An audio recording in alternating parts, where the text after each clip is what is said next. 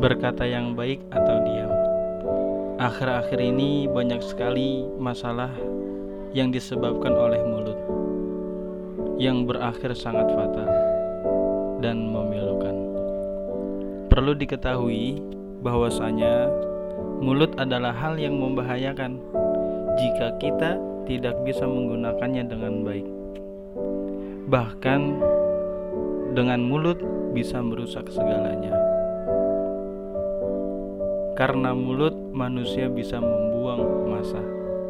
Karena mulut ada hati yang tersakiti. Karena mulut bisa menyebabkan dosa. Bahkan karena mulut pun bisa memutus tali persaudaraan yang tadinya kita sudah erat persaudaraan kita karena ada satu kalimat atau beberapa kalimat yang menyebabkan hati saudara kita tersakiti. Nauzubillahi menjalik. Tapi kenapa masih banyak yang meremehkan tentang masalah mulut ini? Mengentengkan omongannya atau bahkan atau bahasa sekarangnya ini asal ceplos-ceplos. Ngomong tapi nggak diayak dulu, nggak disaring dulu. Tolonglah berpikir terlebih dahulu sebelum kita berbicara atau bertindak. Ya, kira-kira yang saya sampaikan ini bermanfaat atau enggak? Atau yang saya sampaikan ini nyakitin atau enggak? Ada yang tersinggung atau enggak? Karena perlu disadarin bahwasanya yang kita omongin itu kadang kita nggak menyadari bahwasanya ada orang yang tersinggung ada orang yang tersakiti sebab ucapan kita.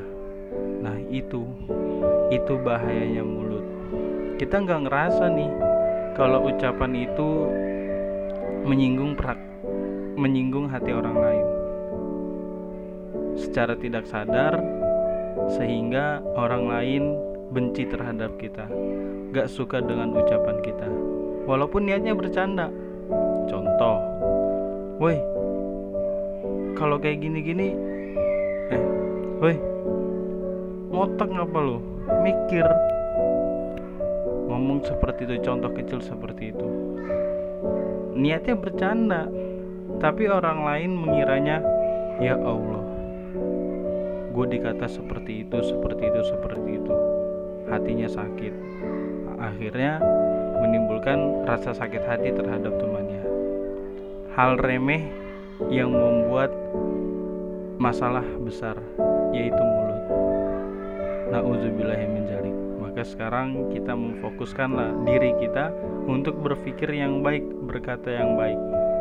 Pikir-pikir dua kali sebelum kita berkata. Atau atau kita saring terlebih dahulu perkataan tersebut